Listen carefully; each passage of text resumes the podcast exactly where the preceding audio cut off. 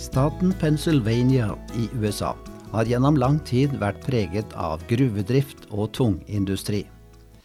I en småby nord i Pennsylvania var de for mange år siden stolte av et nytt bygg, oppført i vakker, rød murstein. Et nytt, stilig rådhus kombinert med en funksjonell brannstasjon.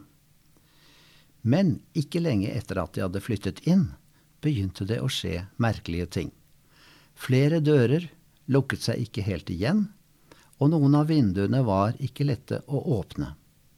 Ukene gikk, og det oppsto sprekker i veggene.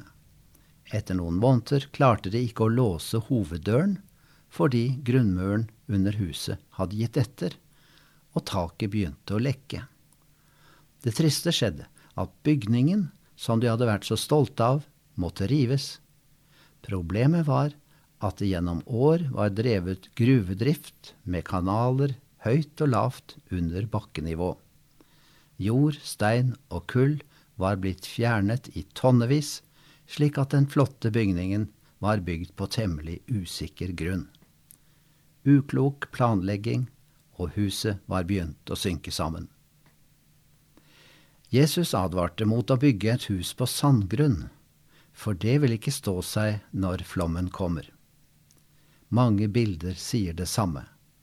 De solide grunnsteinene vi har for menneskelivet og samfunnet, som vi har fått i de ti bud, Jesu bergpreken og Paulus' formaninger, er et trygt grunnlag å bygge på. Men de kan lett bli gjennomhullet av små kompromisser og nesten umerkelige tilpasninger til moteriktig tenkning.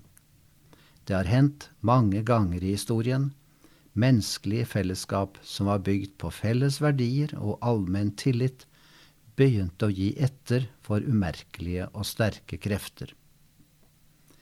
I Bibelen kan vi lese at Guds grunnvoll står fast, og den har et seil med denne innskriften.